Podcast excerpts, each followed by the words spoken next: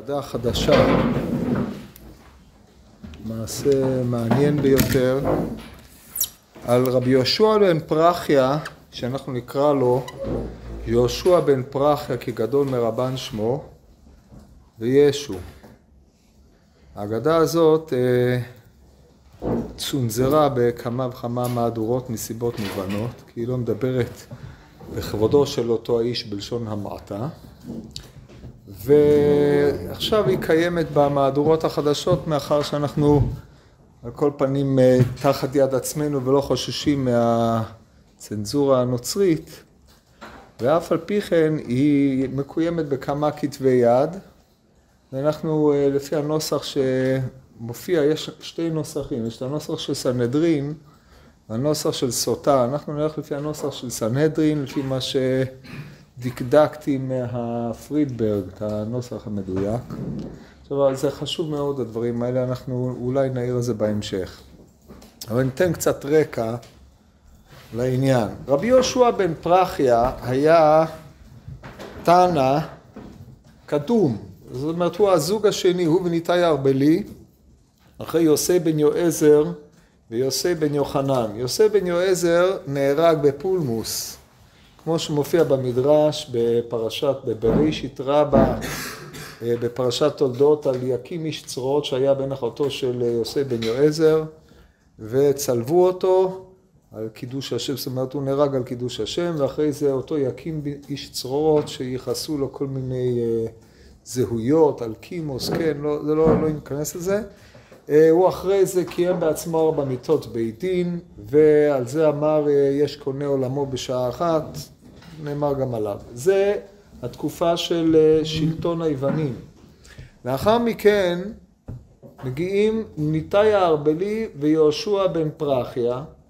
דור אחריהם זה שמעון בן שטח ויהודה בן טבעי, כן? כולם בלי תואר הרב, מפני שהרב זה רק מצמצם, הבסיס גדול מרבן שמו, כן? זה אנחנו צריכים לדעת, כן? הלל הזקן לא אומר הרב הלל, כי רב הלל היה המורה, תלמידו של רבא, דאיתא בפסחים ומפורסם בסנהדרין, אה, שער אל אלמרי, כן, אז זה ידוע.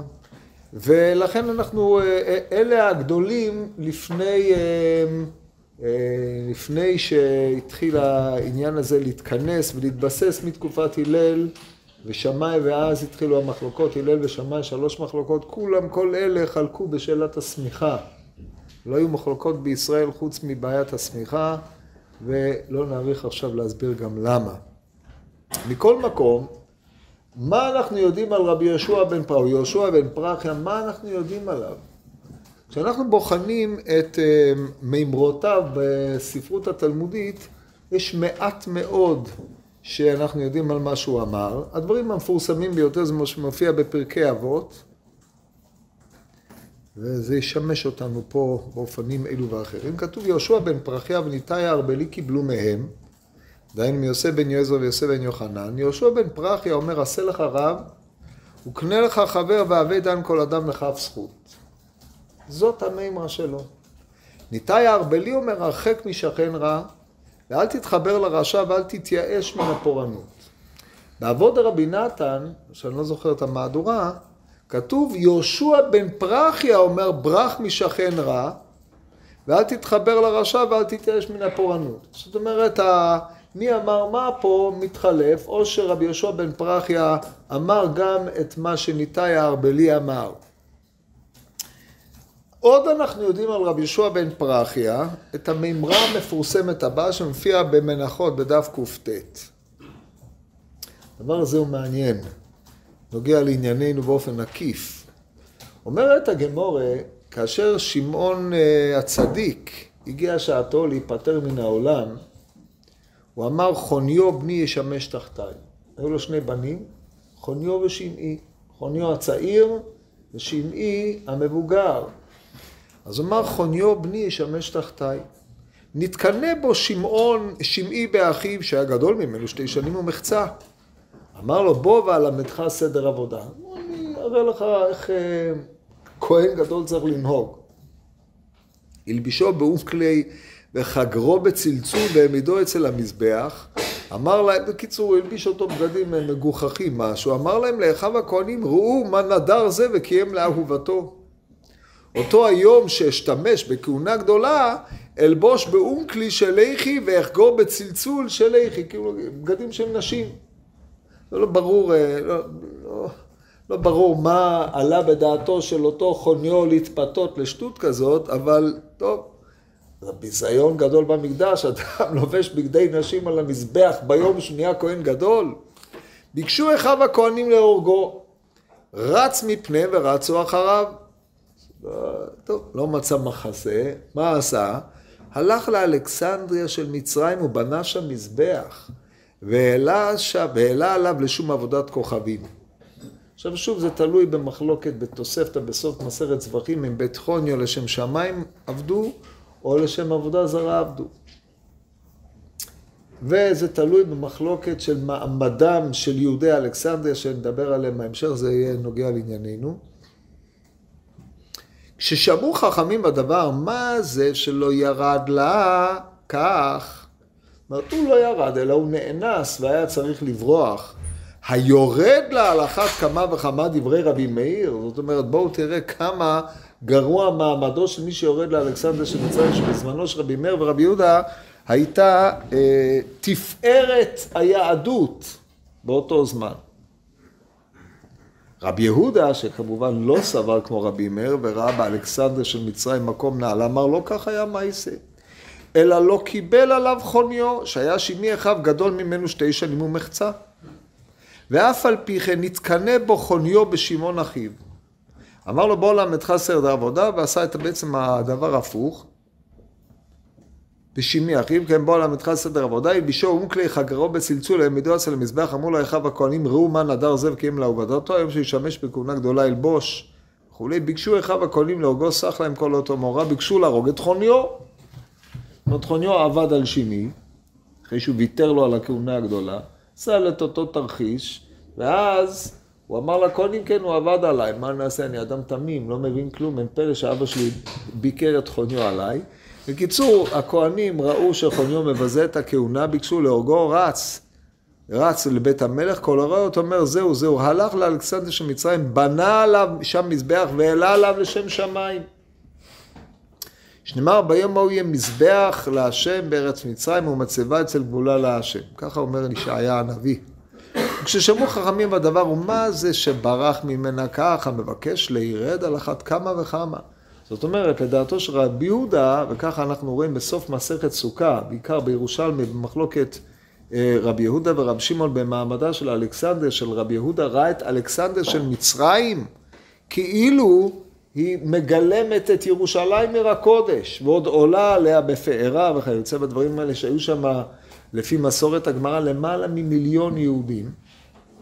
רבי שמעון ראה בה פן שלילי ביותר, ולכן היא נחרבה על ידי טריאנוס, הסיפור הנודע, שמופיע שם בירושלמי סוכה. עכשיו מגיעים דברי רבי סמך לדברי רבי יהושע בן פרחיה. אמר רבי יהושע בן פרחיה, בתחילה כל האומר עללה, אני כופתו ונותנו לפני הארי. אתה כל האומר לי לירד ממנה, אני מטיל עליו קומקום, או קומקומוס, צריך להיות של חמין. בקיצור, עד שלא אומרים לי עלה להיות במעמד רם, מה פתאום, מה, מה, בשום פנים ואופן אני לא מוכן לעלות. אבל משעה שעליתי ונהייתי נשיא, אם אומרים לי רד, אני שופך עליו קומקומוס של רותחים, ואני לא יורד. מה הראיה? שאול המלך. שהרי שאול ברח ממנו. וכשעלה, ביקש להרוג את דוד.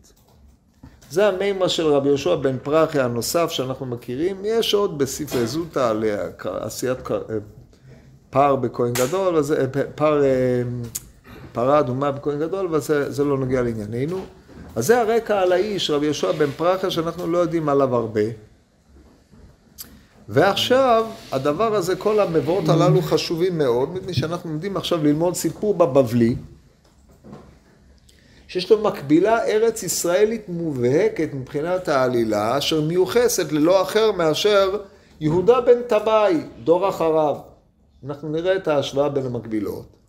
הדבר הזה כמובן מוביל אותנו לשאלה שכבר אמרתי לכם בשבוע שעבר, הואיל והסיפור הזה הוא סיפור בבלי, נתחבר בבית המדרש הבבלי על בסיס איזשהו גרעין היסטורי כלשהו של אחד מהחכמים הקדומים שירד לאלכסנדריה של מצרים, למה מספרי הסיפורים הבבליים ראו לתלות את הסיפור הזה ברב יהושע בן, בן פרחיה. עכשיו אני, כדי, אה, שכחתי, אמרתי את זה לכמה אנשים במהלך הסדרים, אבל יש יסוד שצריך להכיר, את היסוד שהסברתי לכם בשבוע הקודם, לגבי מה שקרוי האמת ההיסטורית של האגדות, שאין חז... לחז"ל עניין באמת ההיסטורית, אלא האגדות הללו בדרך כלל מגולם בהם איזשהו גרעין היסטורי, אבל הסיפור כשלעצמו הוא עומד בעצמו, נושא את עצמו, הוא לא תלוי באירועים אי אלו ואחרים, מה גם שחכמי בבל כמעט לא יכלו לדעת את הראיון, אלא כסדר אה, סיפור סיפורים שיש לו מסר עם אמת פנימית עצמית שנועדה לבית המדרש, ללמד את החכמים מה שבא ללמד. הדבר הזה, יש לו ראייה חזקה ביותר בגמרא במסכת עירובין בדף ס"ג.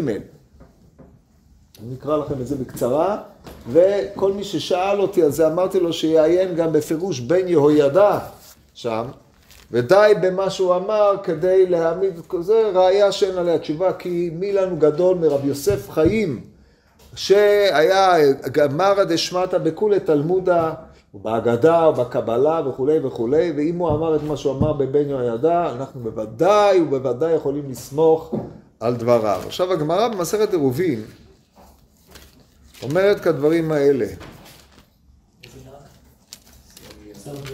ס"ג עמוד א'. הסוגיה שם עוסקת בשאלה של תלמיד המורה או אסור לו להורות בפני רבו, מהם הגבולות ומה עונשו של מי שעבר על העניין הזה. אומרת הגמורה, תלמיד היה לו לרבי אליעזר שהורה הלכה בפניו. אמר רבי אליעזר לאמא שלום אשתו, טמא אני אם יוציא זה שנתו, ולא הוציא שנתו. אמרה לו, נביא אתה? אמר לה, לא נביא אנוכי ולא בן נביא אנוכי, לקח מקובלני כל המורה הלכה בפני רבו חייב מיתה. ואמר רבא בר בר חן, אמר רבי יוחנן, אותו תלמיד יהודה בן גוריה שמו, והיה רחוק ממנו שלוש פרסאות. שואלת הגמורה בפניו והווה, והיה רחוק שלוש ממנו פרס, שלוש פרסאות, אבל כל המורה תלמיד בפני רבו, הוא שלוש פרסאות, זה הרי מחוץ לתחום של מחנה ישראל כמבואר, כמו שהגמרא דנה בזה קודם לכן. אומרת הגמורה, אמ, והר רחוק ממנו שלוש פרסאות כמה? אומר לו רבי יוחנן לרבא בר בר חנו לטעמך שמו ושם אביו למה? למה צריך להגיד שאותו תלמיד נקרא רבי יהודה בן גוריה? אלא שלא תאמר משל היה. וקיצור, ואז מכאן עולה שגם בשלוש פרסאות עשו שמו ושם רבו, למה? שלא תאמר משל היה, אז מתאים, לא, היו מפרטים שאותו תלמיד נקרא יהודה בן גוריה והוא בא מהעיר שהוא מציין שם, והגמרא מביאה אחרי זה כל נביא שציימו את שמו ושם עירו. בקיצור, אם לא נתת עליו פרטים ביוגרפיים, זה משל. אז עכשיו, אם זה כך, לכאורה יוצא שכל אימת שאין תיאור של פרטים ביוגרפיים מדויקים, שהם אינם נוגעים לגופה של העלילה, זה משל. מפליא. אז זה, זה הנחת המוצא. עכשיו, אחרי שאנחנו ביססנו את ההנחה הזאת, אנחנו נכונים לקרוא את ההגדה דנן על קשייה ההיסטוריים ועוד אי אילו פרטים שמעתה ואילך הם כבר לא קשים, מפני שהצד ההיסטורי שבהגדה הזאת הוא הדבר הכי פחות חשוב. אומרת הגמורה, אומרת הגמרא כך, לאותנו רבונו לעולם תהא שמאל דוחה וימין מקרבת. לא כאלישע שדחפו לגיחזי בשתי ידיים, ולא כיהושע בן פרחיה שדחפו לישו הנוצרי בשתי ידיו. אז שימו לב, זה היסוד הגדול, לעולם תהא שמאל דוחה וימין מקרבת. מה שמעניין פה שצריך לשים לב, זה שלעולם תהא שמאל דוחה. זאת אומרת, זה לא הדבר המובן מאליו. או הדבר ששמים עליו דגש, הדגש הוא לעולם תהא ימין מקרבת, אבל איך היא יכולה לקרב מישהו שמעולם לא נדחה? אז ברור שיש פה אלמנט של שמאל דוחה, הוא תנאי הכרחי שאחרי שדחית אותו, אז תחזור ותקרב אותו. אתה לא מקרב את הקרוב, שלום שלום לרחוק ולקרוב. מי היה רחוק ונתקרב, אבל אם הוא לא דחוי, מה מקום לקרב אותו? עכשיו אתם מבינים גם שהמילה קרוב, הניגוד של קרוב זה רחוק. הניגוד של דוחה זה מקבל. ולכן יש פה, הצבת המשפט לעולם תהיה שמאל דוחה וימין מקרבת, אי אפשר להגיד שמאל דוחה וימין מקבלת, כי זה תרי ותרי, כן, אתה לא יכול לפעול שני אופנים. אתה לא יכול להגיד לעולם תהיה שמאל מרחקת וימין מקרבת, נשמע אם הרחקת, למה אתה מקרב? לכן צריך להעמיד פה שני היבטים חלוקים. יש היבט שנקרא היבט הדוחה, ויש היבט אחר שנקרא היבט המקרב. את הדוחה אתה חוזר ומקרב. אבל דבר, ההבחנה הזאת היא הבחנה שהסיפור של גיא חזי, שאנחנו לא נדון עליו פה, והסיפור של אמ, יהושע בן פרחיה עם ישו, הם אמורים לגלם את מה שלא נתקיים פה, מפני שפה נתקיים, דחה אותו בשתי ידיו. עכשיו כמובן יש לחקור איך הפשט ודחה אותו בשתי ידיו, הרי אם שמאל דוחה, אז אטו אם הימין הצטרפה לשמאל במיילך הדחייה, זה משנה, הרי השמאל דחתה. או דילמה, הואיל והוא לא דחה בשמאל אלא דחה בימין, אבל זה לא ככה, כתוב דחה אותו בשתי ידיו. אנחנו צריכים לדון מה המשמעות דחה אותו בשתי ידיו בסיפור הזה, ולראות האם, איך הדבר הזה מתקיים, מה הייתה לכאורה הטעות שהוא עשה, הרי כתוב בגמרא שם לאל מיניה לגבי אלישע שדחה את גיחזי בשתי ידיו, שעל זה חלה את חוליו אשר ימות בו, באחד מהשלוש אופנים. שלושה חולאים חלה אלישע, החולי, אחד מהחולאים, זה מפני שהוא דחה את גיחזי בשתי ידיו. אז לכן אה, הדבר הזה יש בו איזה מימד לא מבוטל של ביקורת על יהושע בן פרחיה, אשר בעקבות זה שהוא דחה אותו בשתי ידיו, אנחנו היום עומדים, או אבותינו ואבות אבותינו סבלו מעול הגלות ומהנצרות, שהיא אה, תולדותיו של אותו האיש, סבל שהוא בל יתואר.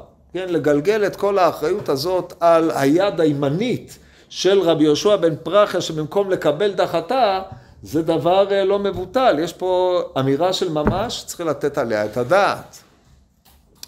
טוב, עכשיו נראה את גופו של הסיפור. כמו שאמרתי לכם, זה הנוסח שיהיה לכם במחשב, זה, או בגמרא, זה לא בדיוק הנוסח פה, השינויים הם אה, שינויים מעטים, אבל לא מבוטלים. אומרת הגמור יהושע בן פרחיה מהי? קטקטלינו ינאי מלכה לרבונון, ערק יהושע בן פרחיה לאלכסנדריה של מצרים. זה משפט פתיחה. כדי להבין את המשפט הזה, נחזור לרקע. הגמרא במסכת קידושין, בדף ס"ו, מספרת את האירוע הזה. מעשה בינאי המלך, כדי שלא יודע אם כולם מכירים את זה, אז נספר את האירוע, האירוע הזה נוגע לענייננו. מעשה בינאי המלך שהלך לכוחלית שבמדבר וכיבש שם שישים כרכים. ינאי המלך היה אחד מהכובשים הגדולים. ובחזרתו היה שמח שמחה גדולה וקרא לכל חכמי ישראל. הוא עושה סעודת מצווה או סעודת ניצחון, את מי הוא קורא? הוא רוצה דברי תורה על השולחן, מביא את כל חכמי ישראל. אמר להם, אבותינו היו אוכלים מלוכים בזמן שהיו עסוקים בבניין בית המקדש, דהיינו החשמונאים. אף אנו נאכל מלוכים, זכר לאבותינו. לא מדבר על אבותינו במדבר, הם אכלו מלוכים, הם אכלו מן, איזה מלוכים, אבל הוא מדבר, וגם שלמה המלך, אתה יודע מה הם אכלו? אבל בזמן כאשר החשמונאים חזרו והקימו את המקדש, אכלו מלוכים, המצב הכלכלי שלהם היה מתחת אה, ממש נורא ואיום, שפל השפלים.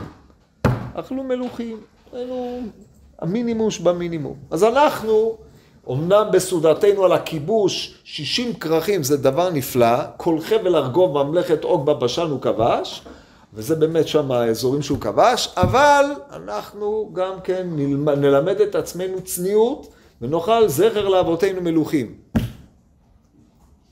והעלו מלוכים על שולחנות של זהב ואכלו. זאת אומרת, יש לך שולחנות של זהב, אתה אוכל הרינג. כן, זה בקצרה, הדברים האלה שאוכלים בסעודה שלישית אצל האשכנזים.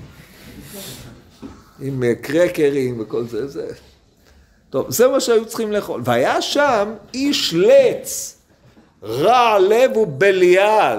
כן, יש לו כמה תארים פה, גם לץ, כן, לץ יאיר זד, שמו עושה בעברת זדון. לא מקבל תוכחת, והופך כל דבר, הוא מבטל כל דבר שבחשיבות, שזה גדרו של הלץ, מגן משוח בשמן כידוע, לב רע ובליע על. אלעזר בן פואירה שמו. ויאמר, עכשיו פה ההתנסחות, פה התנסחות יפה, ויאמר אלעזר בן פואירה למלך, לינאי המלך, ינאי המלך, ליבם של פרושים עליך. זאת אומרת, אם אתה חושב שחכמי ישראל פה נמצאים איתך בלב אחד, דע לך שהם בלב הלב. יש להם טענות עליך, אבל אה, מפני כבוד המלכות הם עדיין לא אמרו בפניך מה הם חושבים עליך. אז אומר להם, ומה אעשה? הקם להם בציץ שבין עיניך. והקים להם בציץ שבין עיניו. כלומר, כיוון שהטענות הן טענות על כשרות היותו של ינאי זה כהן, בוא תלבש את הציץ, תלבש את בגדי כהן גדול, ונראה איך עכשיו הם יגיבו. והיה שם זקן אחד, יהודה בן גדידיה שמו. ויאמר יהודה בן גדידיה לינאי המלך, ינאי המלך, רב לך כתר מלכות, הנח כתר כהונה לזרעו של אהרון. למה? שהיו אומרים, אמו נשבית במודיעין. ויבוקש הדבר, ו... ולא יימצא. כן, במקום וימצא, כן, כמו במגילת אסתר, מה לא נמצא? ולא נמצא, ויבדלו חכמי ישראל בזעם. זאת אומרת, כיוון שכל חכמי ישראל היו בדעה אחת, באופן חריג כנראה, אבל uh, היו כל חכמי ישראל בדעה אחת על ינאי המלך, שהמלך הזה איננו ראוי להיות כהן גדול. ופה הנציג שלהם, יהודה בן גדידיה, אמר את הדברים בצורה מפורשת, ינאי אמר, הם לא איתי, הם נגדי. ויאמר אלעזר בן פואירא לינאי המלך, ינאי המלך, הדיוט שבישראל כך הוא דינו, ואתה מלך וכהן גדול, כך הוא דינך? ומה אעשה אם השומע לעצתי רומסם? אם אתם מוצאים עליך לעז, ככה אתה עובר בשתיקה, אז מה אתה עושה? תחלק כל אופוזיציה בעברית. מה? מי? הידיעות. אדם רגיל, אם מוצאים עליו לעז, אז צריך למחות. אתה, שהוציאו עליך לעז, אמרו שאתה בעצם חלל, קל וחומר שאתה צריך למחות. מה עוד? הביאו עדים ולא נמצא הדבר, כן, בגמרא להלן מתברר שהיה פה תרי ותרי, פלפלו למה לא העמידו אותו על חזקה, בעצם למדתם את זה בסוגיית תרי ותרי, כן, העניין הזה הוא עניין לא פשוט בכלל, אבל לגופו של עניין, דבריהם של חכמי ישראל לא עמדו בביקורת העדות. אז שואל אותו ינאי המלך אם אני ארמוס את החכמים, תורה מה תהא עליה? אמר לו, הרי היא כרוכה במונחת בקרן זווית, כל הרצה ללמוד יבוא וילמוד. לא כזה פשוט העניין הזה. אמר רב נחמן מיד נזרקה בו מינות. דאבל אלמי מרתינך תורה שבכתב, תורה שבעל פה, מאי? מיד ותוצ... ותבצץ הרעה על ידי אלעזר בן פוירה ויהרגו כל חכמי ישראל. זה הסיפור המפורסם על הריגת כל חכמי ישראל, והיה העולם משתומד עד שבא שמעון בן שטח והחזיר התורה ליושנה. כן, יש לנו מחזור נוסף של הריגת כל חכמי ישראל על ידי הורדוס, ושם יש מסורות שונות לגבי בריחתם ללבנון ועוד אילו דברים שמופיעים בירושלמי שביעית. המסורות הללו חוזרות, ינאי והורדוס אה, דמויות מתחלפות, מפני שיש בהם דמיון לא מבוטל לגבי דפוסי ההתנהגות שלהם.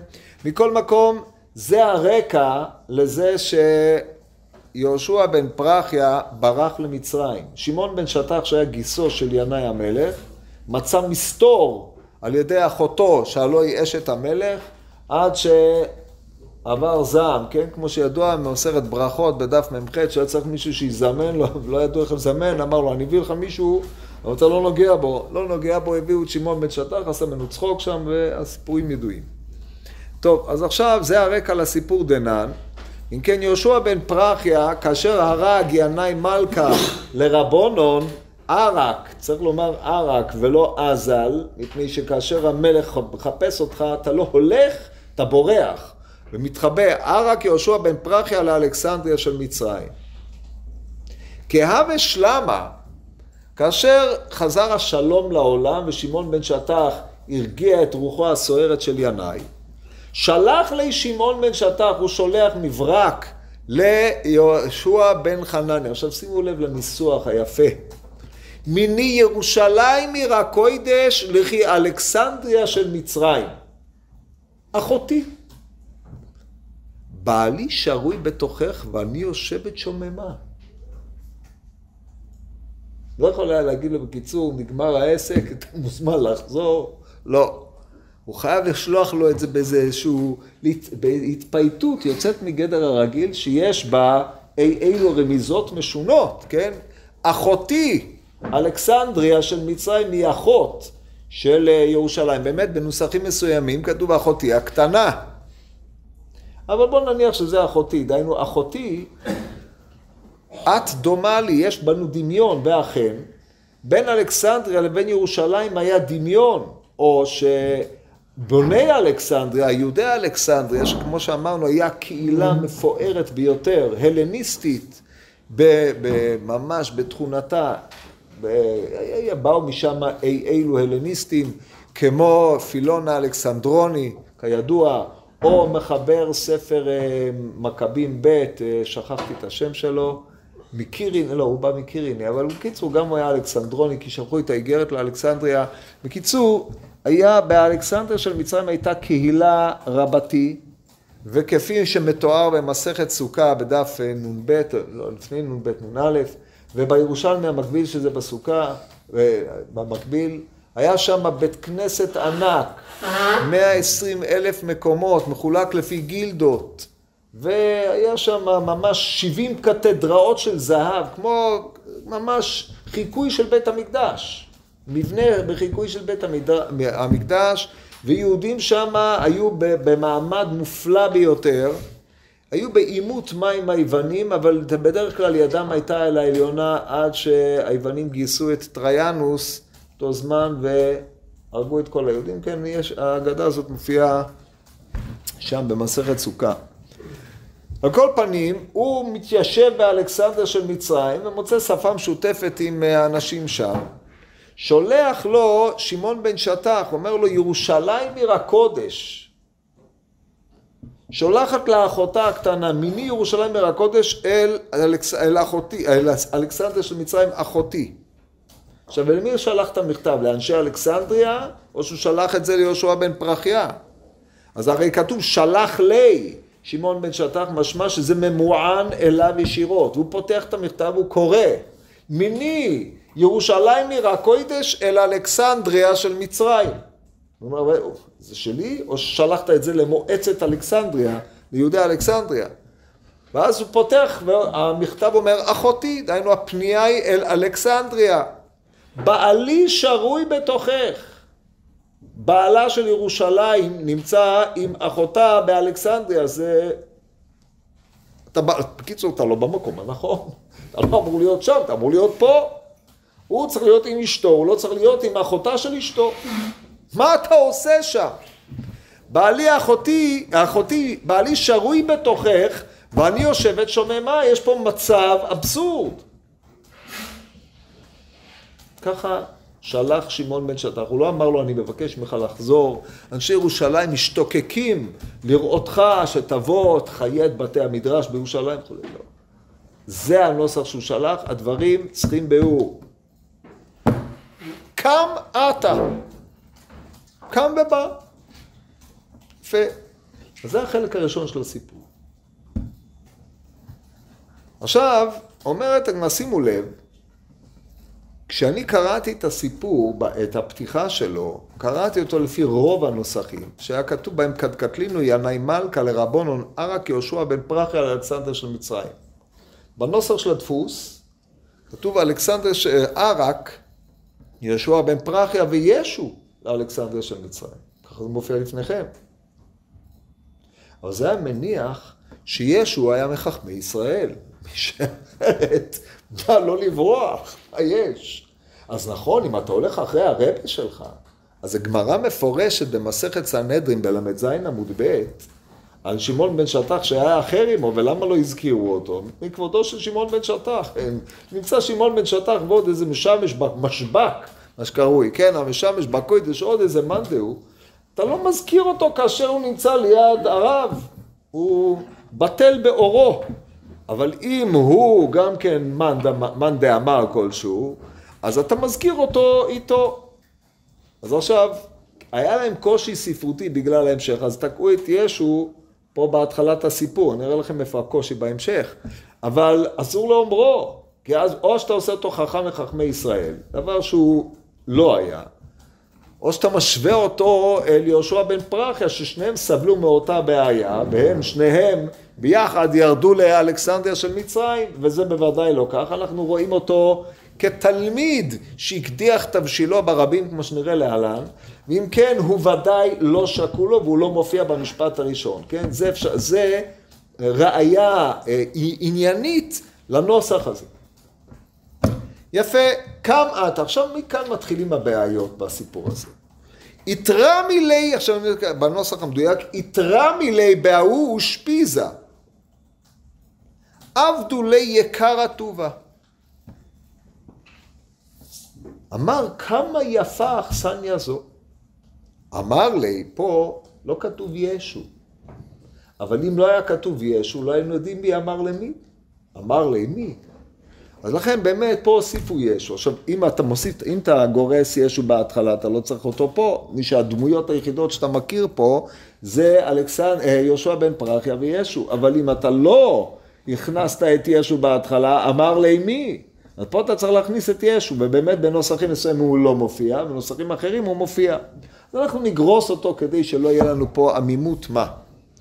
אמר לישו, למרות שאפשר היה להוריד אותו כי הסיפור הזה נסמך על דחאו יהושע בן פרחיה לישו בשתי ידיו. טוב, אז אמר לישו, רבי, עיניה טרוטות. עיניה של מי? של האכסניה. ידענו שלאכסניה יש עיניים? מה, מה, מה האמירה הזאת? אבל ככה הוא אמר לו. אמר לי, רשע, וכך אתה עוסק? איזה עיסוק יש באמירה עיני הטרוטות? עוסק במה? אתה מתייחס לזה. אפיק ארבע מאה שיפורי ושמתי. עשה לו שמתה, אבל שמתה רבתי, בארבע מאות שופרות. כתוב בפסוק, אור ומירוז אמר מלאך השם, אור הוא ארור יושביה. כאילו באו לעזרת השם, לעזרת השם בגיבורים. מה זה אור ומירוז? מירוז עיר הייתה. וברק שמט אותה בארבע מאות שיפורי, כך אומרת הגמורה. אור ומרוז, נראה לי במגילה זה מופיע, אני לא זוכר בדיוק, כן? אור ומרוז בארבע מאות שיפורי, שמתי ברק למרוז.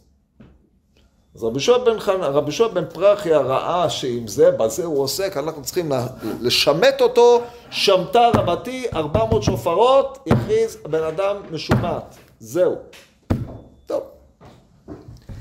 עתה לקמי כמה זימנים. דהיינו, ישו ניסה אה, להתקבל אצלו, לחזור. אמר לי קבלן, הוא אומר, תקבל אותי. לא במשגח ב. לא התייחס אליו בכלל. יום אחד, אבי קקרי קריאת שמע. הגיע זמן קריאת שמע, שחריס או ערבית, בואו נניח ערבית לצורך הפשטות. הגיע זמן קריאת שמע, רבי יהושע בן פרחיה קורא קריאת שמע. עתה לקמי. מגיע אליו ישו, סבר לקיבולי. אך ולי בידי, הראה לו בידיו. הוא סבר, דהיינו ישו סבר, מדחדכי לי. בקיצור, לך. השאלה מה אך ולי בידי, תכף נדבר על זה. מה עשה? אזל זקף לוינטה והשתחווה לה. ממש נפלא. לקחת לבנה, לבנות הן בדרך כלל הרוחב יותר מה... מהעובי, או, זה, זה משהו כזה, זקף את הלבנה והשתחווה לה. מצא אמצעי יותר יפה מלעבוד. יש גמרא, זה במסכת עבודה זרה, זוקף ישראל שזקף לבנה. ובא גוי והשתחווה לה, אם הגוי אוסר את הלבנה של ישראל או לא אוסר, כן, אם בסוגיית אין אדם אוסר דבר שאינו שלו. אבל לא מצאו דבר אחר, הוא היה תלמיד של יהושע בן פרחיה. זה מה שיצא לו מכל זה, מישהו באמצע קריאת שמע עשה לו איזה סימן, או לא עשה לו סימן, או מה שהוא עשה, עשה, והוא הבין שהוא דחוי, זה מה שעושים? זוקפים לבנה, מה יש בלבנה? מטיל להם הלבנה לאבן והחמר היה להם לחומר. זה מה שיש על לבנה, מה יש בה? הוא זוקף לבנה ומשתחווה ללבנה. טוב. ממשיכה הגמורה ואומרת, אמר לי, הדר בך. רבי שועה בן פרחיה הולך אליו ואומר לו, תחזור בך. מה השטות הזאת? אמר לי, כך מקובלני ממך כל החוטא ומחטיא את הרבים, אין מספיקים בידו לעשות תשובה, כי זה משנה במסכת אבות. מחטיא את הרבים אין מספיקים בידו לעשות תשובה. אז מה? תחזור. אמר מר, מסיים את הגמורי, אמר מר, ישו כישף והסית והדיח את ישראל. ועל זה אנחנו נוסיף עוד את המימרה בברכות, לפני שנתחיל לאט לאט לראות את המבנה של הסיפור הזה, כי הוא ממש לא פשוט. כי אבי מפטרי רבונון מבי רב חיסדא ואמר לה מבי רב שמואל בר נחמני אמרו להכי, כתוב בפסוק בתהילים בקמ"ד אלופינו מסובלים, אין פרץ ואין יוצאת ואין צבחה ברחובותינו, אשרי העם שככה לו, אשרי העם שאדוני אלוהיו. שמתקיימים הדברים הללו. מה זה אלופינו מסובלים רבו שמואל ואמר לה רבי יוחנן ורב לוזור. אחד אמר אלופינו בתורה מסובלים במצווה, דהיינו יש עליהם עומס מצוות. אחד אמר אלופינו בתורה ומצוות ומסובלים בייסורים, ואף על פי כן, אף על פי שהם מסובלים בייסורים, הם אלופים בתורה ומצוות.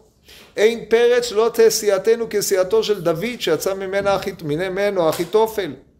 ואין יוצאת שלא תהיה סיעתנו כסיעתו של שאול שיצא ממנו דואג האדומי. כן, זה אין לו חלק לעולם הבא, זה אין לו חלק לעולם הבא, כן, כתוב ארבעה מלכים ושלושה אדיוטות אין להם חלק לעולם הבא. האדיוט הראשון זה אחיתופל. האדיוט השני דואג האדומי. האדיוט השלישי זה שלא תהיה סיעתנו כסיעתו של אלישע שיצא ממנו גיא חזי. זה האדיוט השלישי. אז יש לנו אין פרץ, אין יוצאת ואין צווחה. מה זה ברחובותינו? שלא יהא לנו בן או תלמיד שמקדיח תבשילו ברבים. כגון ישו הנוצרי. אז זה היחס של אה, בעלי הגמרא האלה אל ישו, הקדיח תבשילו ברבים. היה לו תבשיל, במקום לעשות אותו כמו שצריך, הוא שרף אותו. עכשיו, בין זה לבין הסית, הדיח, כישף, זקף לבנה והשתחווה לה, יש איזשהו פער כלשהו. ואנחנו צריכים לתת גם על זה את הדעת. עכשיו, אנחנו צריכים לשאול, נראה את ה... קודם כל נשאל כמה שאלות על הסיפור הזה. לא נראה לי שהיום נגיע לניתוח, כי אני צריך להראות לכם את היחס בין הסיפור לזה לסיפור הקודם. הסיפור הזה, השתמשו בו במסגרת שיחות המוסר, כדי להראות עד כמה, מה, מה חטא גדול יש בזה שאדם נותן עיניו בנשים, בדברים כאלה, זה מה שהוא מסתכל. רשע בזה אתה עושה, מה אתה הולך להסתכל בנשים? מה יש לך מה? זה, זה החינוך שקיבלת אצלי. ואכן, הדבר הזה מתעשר לכאורה. מהמקבילה של זה בסיפור בירושלמי במסכת חגיגה. עכשיו, הסיפור הזה בירושלמי חגיגה מופיע בשתי ורסיות, מופיע גם בחגיגה וגם בסנהדרין. בסנהדרין ב, לפי הנוסחים של... החוקרים העלו איזה נוסח מתוך כתב יד ששם זה מופיע, אני, אני אשתמש בנוסח הזה כי הוא הכי טוב. אז תסדרו את הנוסח שלכם בירושלמי חגיגה ב' ב' בהתאם. ותראו את הדמיון המפליא בין הסיפורים ותבינו למה לכאורה המסר העולה מהסיפור בירושלמי הוא אמור להיות המסר העולה אצלנו. וכך כתוב שם, יש ויכוח מי היה הנשיא ומי היה אב בית דין. כן, יש הבדל גדול בין הנשיא לאב בית דין, אני לא צריך להסביר לכם את ההבדלים האלה, אתם כבר אמורים לדעת אותם. האם שמעון בן שטח היה הנשיא, או יהודה בן טבעי היה הנשיא?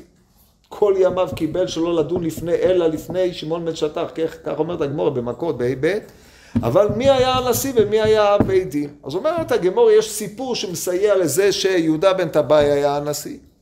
ויש סיפור שמסייע לזה ששמעון בן שטח היה הנשיא. הסיפור של שמעון בן שטח, שלא נעסוק בו, זה סיפור השמונים מכשפות. הידוע, מופיע בסנדים מ"ד ב', וכן. הסיפור, ושם בירושלמי קודם, לכן הסיפור השני של יהודה בן טבעי הוא סיפור של יהודה בן טבעי ואלכסנדריה, וכך שנינו שם. יהודה בן טבעי הבון בני ירושלים באו ממניתי נשיא ולא קיבל עלו, הם אמרו אדוני אתה גדול בתורה ענק שבענקים אור עולם עצומים כל הרוגע, כתוב כי רבים חללים מפילה ועצומים כל הרוגע, זה, זה מי שהגיע להוראה ואינו מורה, אמרו לו בבקשה בוא תשב על כס הנשיאות כראש בית המדרש. לא מקבל. לחצו, מה עשה? ערק עזה לאלכסנדריה, כן עכשיו אני מזכיר לכם את הגמורה במסכת מנוחס בקט, אומרים לי עליהן לא עולה. של רבי שועה בן פרחיה. אני לא עולה. תלמידו יהושע בן פרחי, או רבו יהושע בן פרחי אמר, אומר לך עלה אל תעלה, אז הוא אומר, מי אני שאני אעלה? הוא אמר לא לעלות אני אעלה. טוב, אז הוא ברח לאלכסנדר של מצרים, אמר אני פה לא אהיה, אתם לא תעיקו, אני לא יכול ללמוד בשקט כל הזמן, בעיות, מפריעים, תהיה נשיא, תהיה נשיא, לא, לא מעוניין בזה.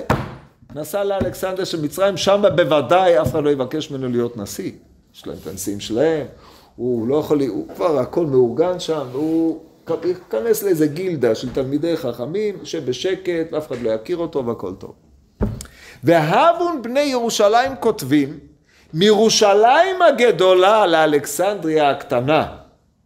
למרות שאלכסנדריה וירושלים מבחינת גודל, אבל ירושלים יש בה גדלות.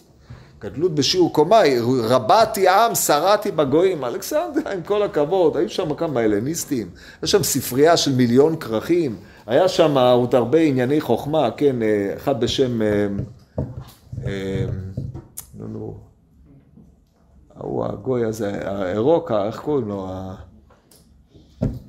הגאון היווני הזה, היה שם באלכסנדריה, שכחתי את השם שלו.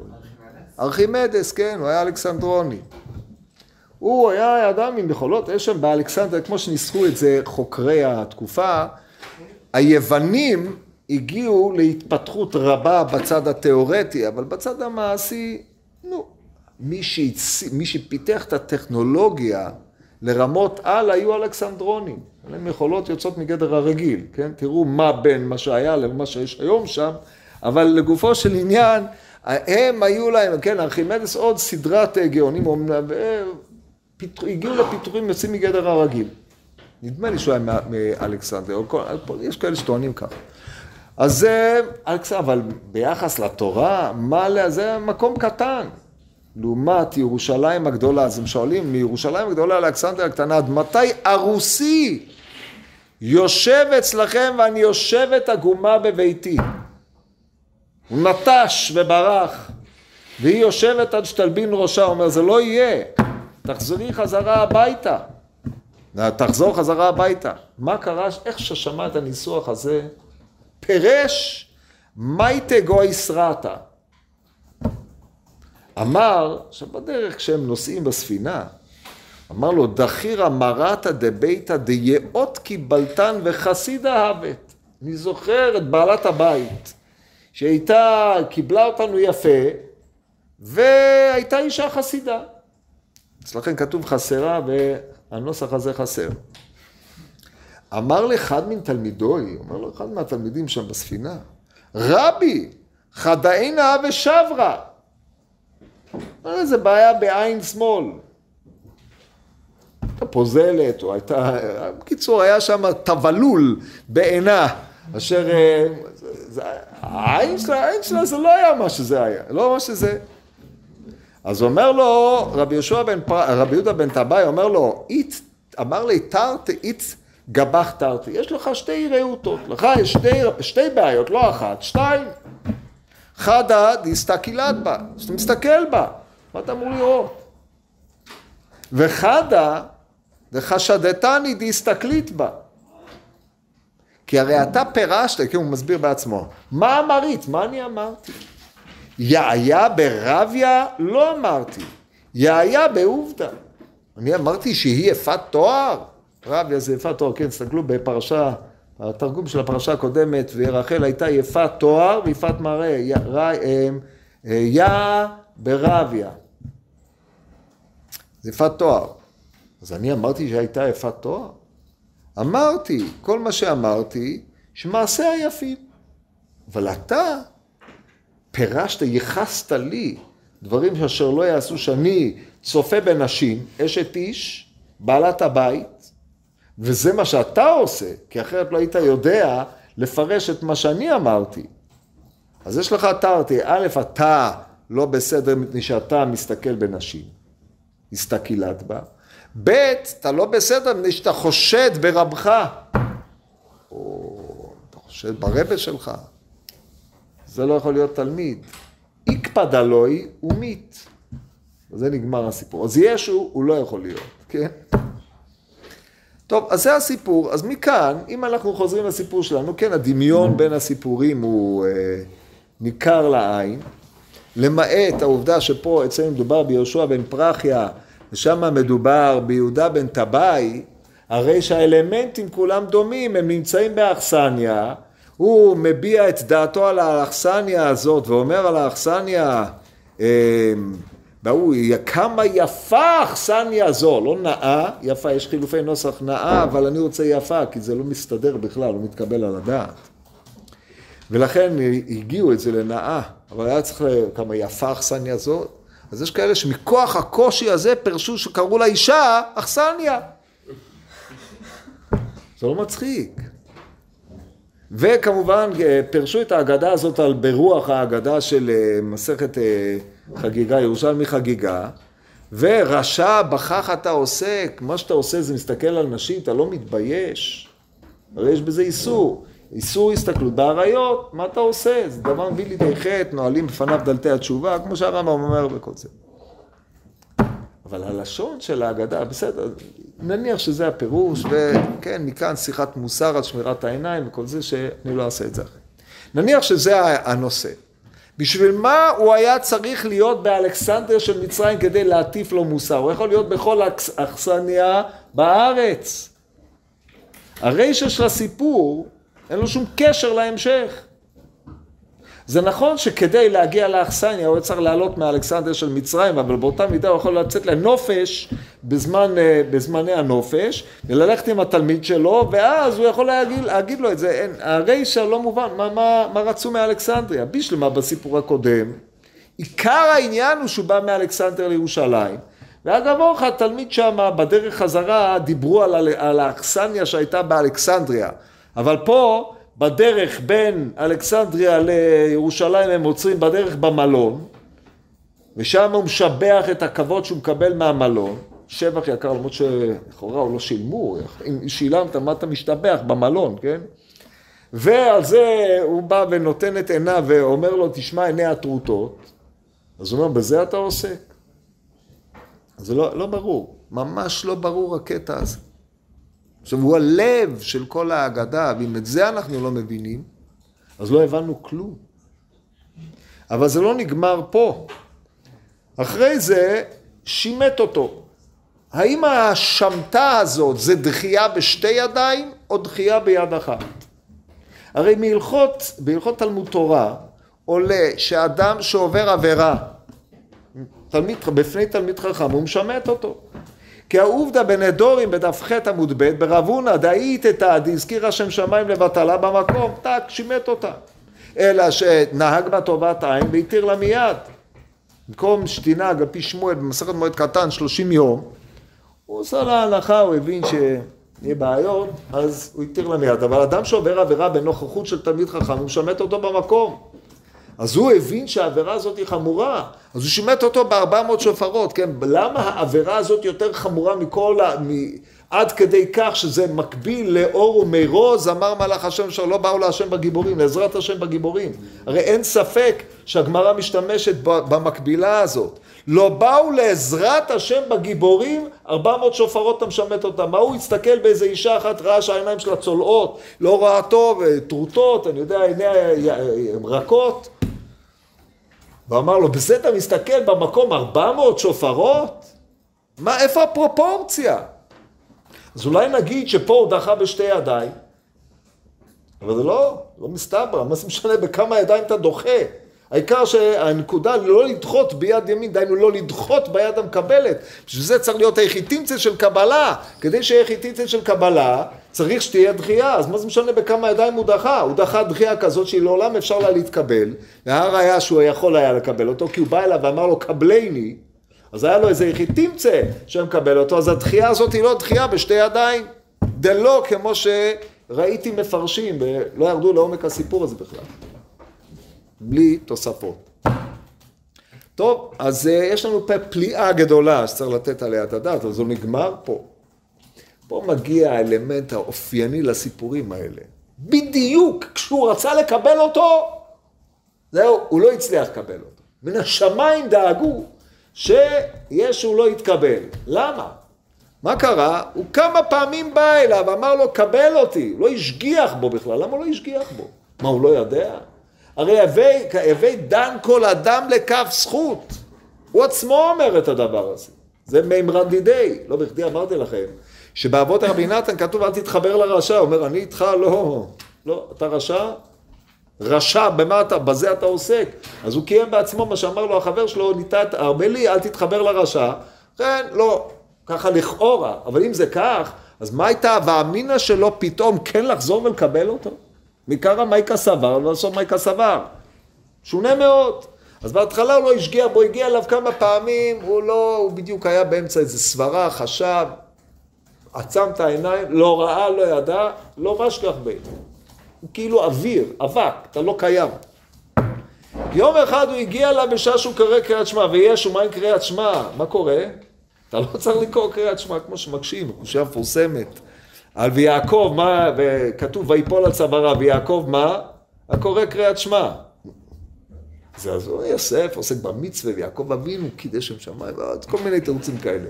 אבל מה עם אה, ישו? מה, הוא, הוא פטור מקריאת שמע? מה, מה יש? בקיצור הוא מגיע, אולי הוא קרא קודם, מתפלל במניין המהיר, ועכשיו הוא מגיע אליו, הוא אומר לו, הוא מגיע אליו, ואז עכשיו שימו לב לתופעה המרתקת. כשהוא מגיע אליו, אז הוא סבר לקבל אותו. עד עכשיו לא, פתאום סבר לקבל אותו. למה? מה התחדש? מדויק, מוכרח ומבואר מלשון הגמרא. כדברים האלה. יום אחדה וקקרי קריאת שמע, עתה לקמי סבר לקיבולי. לא כתוב, עתה לקמי וסבר בקיבולי, אלא שקורא קריאת שמע היה. אלא אך מפני שיום אחדה וקקרי קריאת שמע, אז כשהוא הגיע אליו הוא סבר לקבל אותו. אתה שואל את עצמך, ואת היית מה, לא קראת קריאת שמע? מה קרה? אבל מדויק מלשון הסיפור, שבאותו יום שהוא היה קורא קריאת שמע וישו הופיע לפניו, אז הוא סבר לקבלו. אתה שואל את עצמך, מה? בגלל שאתה קורא קריאת שמע, פתאום אתה כן יכול לקבל במי שעד עכשיו לא השגחת בו? מה עשית כשהוא היה בא לפניך? עסקת בתלמוד תרא, קיימת בעצמך את מצוות ודיברת בם, כנוסח הספרדים אשר קידשנו במצוותיו וציוונו על דברי תורה, כן? דברי תורה, זה קיום של לדבר בם, אצל האשכנזים זה לעסוק בדברי תורה, הוא בכלל לא ראה אותו, הוא עסוק בזה. אבל פה דברי תורה מדבר, הגיע קריאת שמע הוא מקיים ודיברת בם, זה המצווה. פתאום, אה, כן, אני רוצה לקבל אותך. עכשיו, מה הוא עשה? אח ולי בידי. ידוע גמור במסכת יומא, דף י"ט, ודיברת בם. אז מסופר שם על אה, רב, שאיזה אחד, איזה רבה אחד לימד את הבן שלו, זכריה בן כפותל, אח ולה בידי כבותל. שואלת הגמרא, אומרת הגמרא, למה לא אמר לו בפה? באמצע קריאת שמע. אז אומרת הגמרא, נו, אבל איך אתה יכול לסמן, לא יקרוץ בעיניו ולא ירמוז בידיו ולא וכו'? אז אומרת הגמרא, זה פרשה שנייה. והוא מה? באיזה פרשה הוא היה? אז הוא היה בפרשה שנייה, מה עשה לו? עשה לו ככה? מה, מה, מה בדיוק הסימן שהוא עשה לו? עשה ככה? מה? לא ברור. אבל בדיוק, בדיוק התזמון המדהים הזה, שהוא נמצא בקריאת שמע, זה עת רצון, הוא רוצה לקבל אותו, הוא מסמן לו, וההוא הבין שהוא דוחה אותו. עד עכשיו כשהוא לא השגיח בו, התעלם ממנו, הוא לא הבין שהוא דוחה אותו, כי אחרת הוא לא היה חוזר. עכשיו, בשעה שהוא קורא קריאת שמע עם רצון כן לקבל אותו, מסיבות לא מובנות שלא ברור מה התחדש, זהו. ואז מכוח זה זקפת לבנה והשתחווה לה. איזה מעברים מדהימים יש פה. עכשיו אין ספק, ופה בזה אנחנו חייבים לסיים, אין ספק שהסיפור הזה איננו כפשוטו, מי שלומד אותו כפשוטו עליו הרמב"ם אמר מה שאמר בהקדמה לפירוש המשנה, בהקדמה לפרק חלק, על הכת הראשונה של אסור לאומרו, אנחנו פה צריכים לנתח את הסיפור, לשמוע את תוכן רמזיו, להבין את כל השלבים בטוב. על, ו, ואחרי הסיפור הזה צריך לחזור לסיפור של יהודה בן טבעי ולהבין גם אותו. להבין את היחס בין שני הסיפורים, כי מי שחושב שהסיפור ההוא גם הוא מתפרש כפשוטו, לוקה באותה, באותו עיוורון, כמו מי שחושב על הסיפור הזה. אז מה שאני מבקש מכם, תעיינו בסיפור הזה בכל הספרות האפשרית, ותיווכחו בכמה דברים שנאמרו פה, ובעזרת השם, שבוע הבא אנחנו אה, נשתדל לסיים את העניין הזה.